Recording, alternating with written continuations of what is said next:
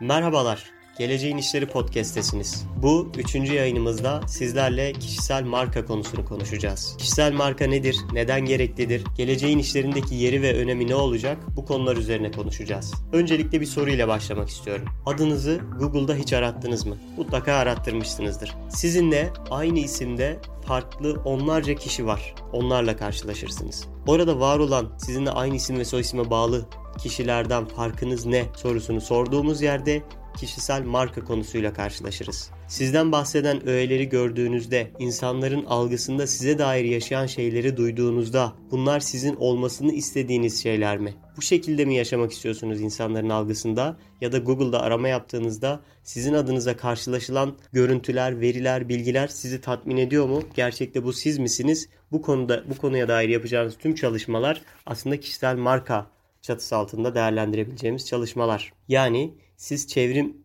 insanlar sizi çevrim dışı olarak nasıl algılıyorlar? Sizi ve değerlerinizi işinize ve temsil ettiği değerlere bağlıyorlar mı? Bu konuların cevabını arama yolunda yapacağınız çalışmalar kişisel marka fikrinizle ilgili oluyor. Kişisel marka konusuna başlamadan önce marka nedir sorusuna bir cevap verelim. Bu konuda Türkiye'de marka hakkında önemli çalışmaları ve yazıları olan e, Onur Yanık'tan e, atıf yaparak bir paylaşımda bulunmak istiyorum. Marka nedir diye sorduğumuzda marka neyi temsil ettiğinizi bilmek ve sadece onun iletişimini yapmaktır aslında.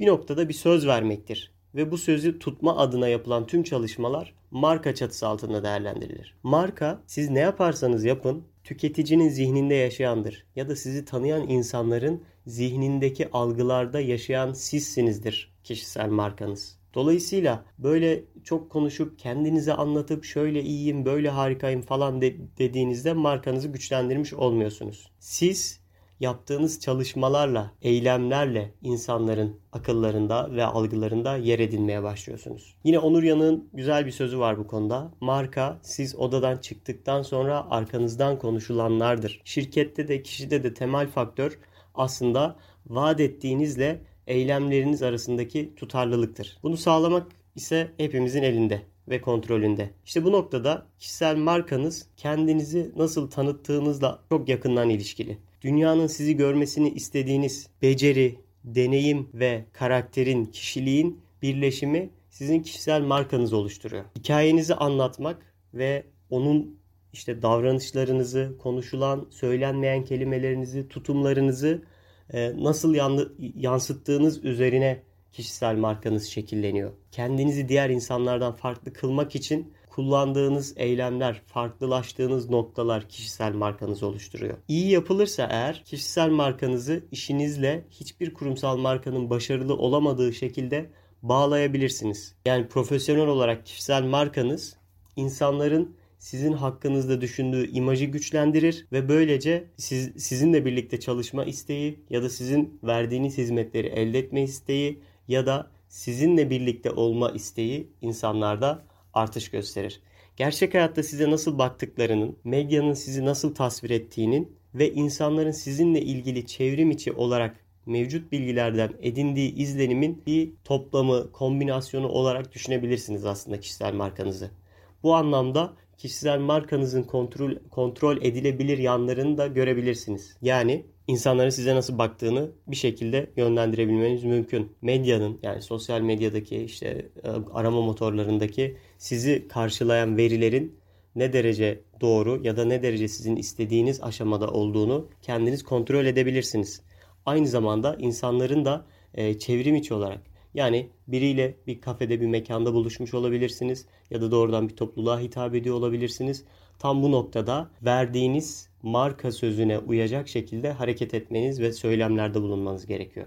Kişisel markanızı görmezden de gelebilirsiniz. E, kontrolünüz dışında organik ve muhtemelen de çok kaotik bir şekilde gelişmesine izin de verebilirsiniz. E, böyle olduğu takdirde sizin kontrolünüz dışında insanların algısında size dair bir takım bir şeyler yaşıyor olacak. İşte öncesi günlerde kişisel markanız sadece kart vizitinizden oluşuyor diyebiliriz. Hatta o dönemlerde işte medyada sadece yüksek profilli insanların birer reklam yüzü olarak e, ağırlandığı, karşılandığı insanların az sayıda insan hakkında fikir sahibi olduğu bir dönemdi. Fakat bugün baktığımızda her küçük eyleminiz sosyal medyada uzun uzadıya tartışılabilecek gündemler olabiliyor. Çok daha fazla kamusalsınız, çok daha fazla çok daha az e, anonim bir şekilde hareket ediyoruz. İşte pop art'ın mucidi e, Andy Warhol'un da söylediği gibi herkes bir gün 15 dakikalığına da olsa e, meşhur olacak dediği günleri aslında yaşadığımız bir zamandayız. Tam olarak böyle bir dönemde e, kişisel markanın e, değeri ve anlamı e, zirve yapmış durumda. Dolayısıyla kişisel marka e, noktasına yatırım yapmak gerekiyor. Neden e, gerekli olduğunu düşünecek olursak kişisel markanız profesyonel olarak sizin için aslında hayati bir konumda. E, çünkü mevcut ve potansiyel müşterilerinize bu markayla kendinizi arz edersiniz. İnsanların sizi keyfi muhtemelen de zararlı bir şekilde algılayabilecekleri durumlardan ziyade sizin doğrudan güçlü yönlerinizi ve tutkularınızı vurgulama fırsatını elde etmenizi sağlar. Kişisel marka üzerine düşünmek ve çalışmak. Böylece insanların sizi daha iyi tanıdıklarına inanmalarına yardımcı olursunuz ve herkes bilir ki insanlar tanıdıklarını düşündükleri kişilere daha fazla güvenme eğilimindedirler. Güçlü kişisel markalar sahip siyasi aktörleri bir düşünelim. Bunlar e, aday olduklarında bazı noktalarda kimi insanların e, asla kazanamayacağı, işte çevresine insan toplayamayacağı vesaire düşünülmüş olsa bile kişisel markalarına yaptıkları yatırımlar sayesinde insanların algılarında güçlendikleri sayesinde e, kazanabilmişlerdir. İşte örneğin Donald Trump hakkında fikriniz ne olursa olsun birçok insanı ona oy vermeye teşvik eden çok güçlü kişisel marka e, oluşturdu insanların algısında. Kişisel marka ile ünlü olmak arasındaki ayrımı da iyi e, sağlamak gerekiyor. Şöhret sahibi olmak tüm kurum ve kuruluşlar için önemli ama kişiler için de öyle tabii. Her ünlü kişi marka kişi demek doğru değil. Kişisel marka olmanın merkezinde belli bir alanda fark ve farkındalık yaratan bir yeteneğe sahip olmak var. İşte aynı zamanda bu becerinin ticari bir faaliyete dönüşmesi ve size gelir de getirmesi gerekiyor. Tam olarak bu noktada yapılması gereken şu. 3C kuralı. İngilizce olarak düşünürsek tabi continuity, consistency ve creativity. Yani süreklilik, tutarlılık ve yaratıcılık. Bu üç unsuru bir araya getirdiğinizde kişisel markanızı oluşturmanız, bir yetenek etrafında markanızı sergilemeniz ve bu yetenek sayesinde fark ve farkındalık yaratmanız mümkün olabilir. Etkili sayılmak istiyorsanız güçlü bir kişisel marka oluşturmanız kaçınılmaz. Kişisel markanız diğerlerinden öne çıkmanıza yardımcı olan bir unsur. Uzmanlık alanlarınız hakkında bilgi ve becerilerinizi göstermek için kişisel markanızı kullanırsınız. Ama bunu yapmanın yolu az önce de söylediğimiz gibi öncelikle bir söz vermek. Benim marka fikrim nedir? Buna karar verip insanlara o sözle, insanların algısında o sözle yaşamak insanların algısında ve insanların konuştuğu ortamlarda kendi isminiz zikredildiğinde o verdiğiniz sözde, o marka fikrinizde hemen ardından akıllara gelmesi gerekecek şekilde bir söz vermeniz gerekiyor. Dolayısıyla bu sözü verdikten sonra da sürekli bir şekilde o sözle tutarlı olan eylemler ortaya koymanız gerekiyor. Bu eylemleri e, tutarlı olması da önemli bir unsur haline geliyor. Verdiğiniz sözün ise yaratıcılığı da e, sizin markanızın gücünün belirlenmesini sağlayan unsurlardan birisi. Kişisel marka konusunda özellikle insanlar artık e, daha fazla kişisel hikayelere, kişisel markalara değer verir. İşte birçok yönden kişisel markanın sizi unutulmaz kılan e, şeydir. Sizin gibi binlerce insan arasından sıyrılmanıza katkı sağlar. İşte özellikle Y ve Z kuşağı reklamlara karşı inanılmaz derecede güvensiz hale geldiler. Y ve Z kuşağının %84'ü ne reklamlara ne de onları yaratan markalara güveniyor. Ama yine de tanıdıklarını hissettikleri insanlara inanma eğilimindeler. Bunun güzel örneklerinden birisi Apple'la birlikte Steve Jobs'ın anılması, Elon Musk'ın Tesla markasının daha önüne geçmiş bir konumda olması. Herhangi bir işletme sahibi ve yöneticisinin şirketin mesajını iletmeye çalışmadan önce e, potansiyel müşterileriyle bireysel kurduğu bağlar çok daha anlamlı hale gelmeye başladı. Çünkü insanlar kişisel hikayeleri yalnızca ürünlerini tüketerek bağ kurduğu markalardan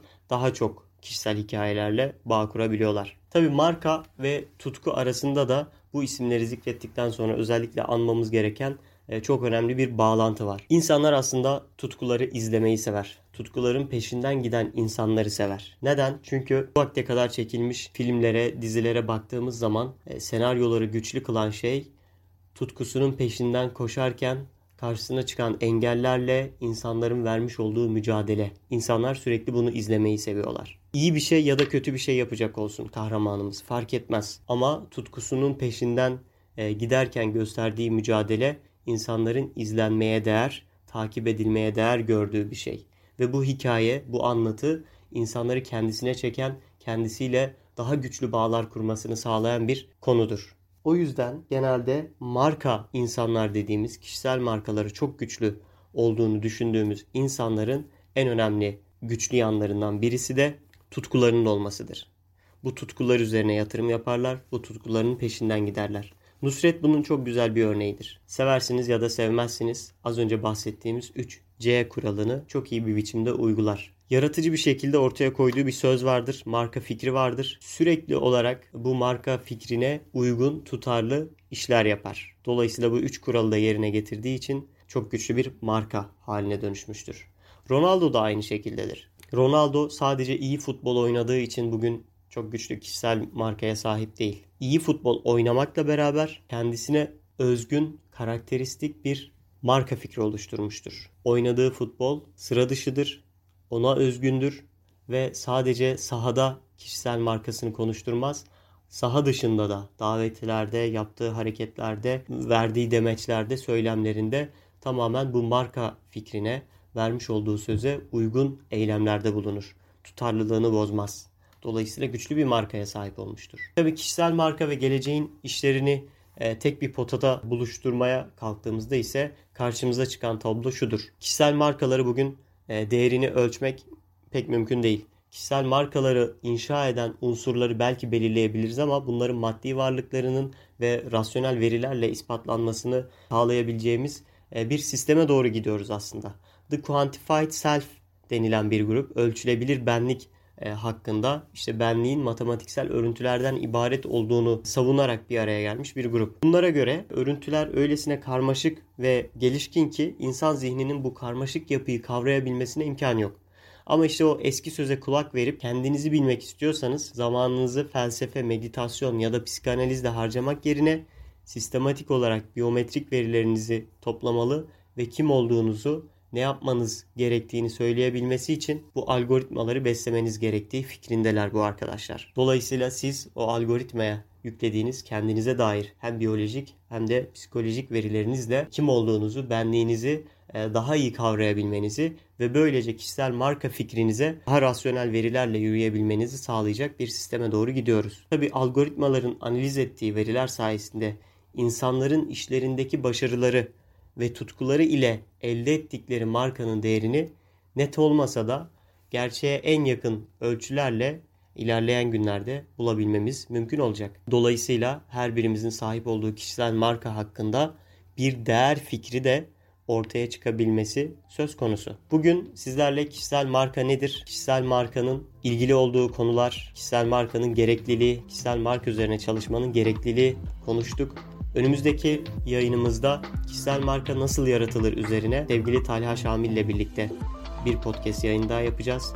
Bu konu özellikle geleceğin işleri e, podcast yayınında önemli bir yer tutunduğu için iki ya da belki de e, üç yayınımız daha e, olabilir kişisel marka hakkında. Ben Halil Atak. Bir sonraki yayında görüşmek üzere. Kendinize çok iyi bakın.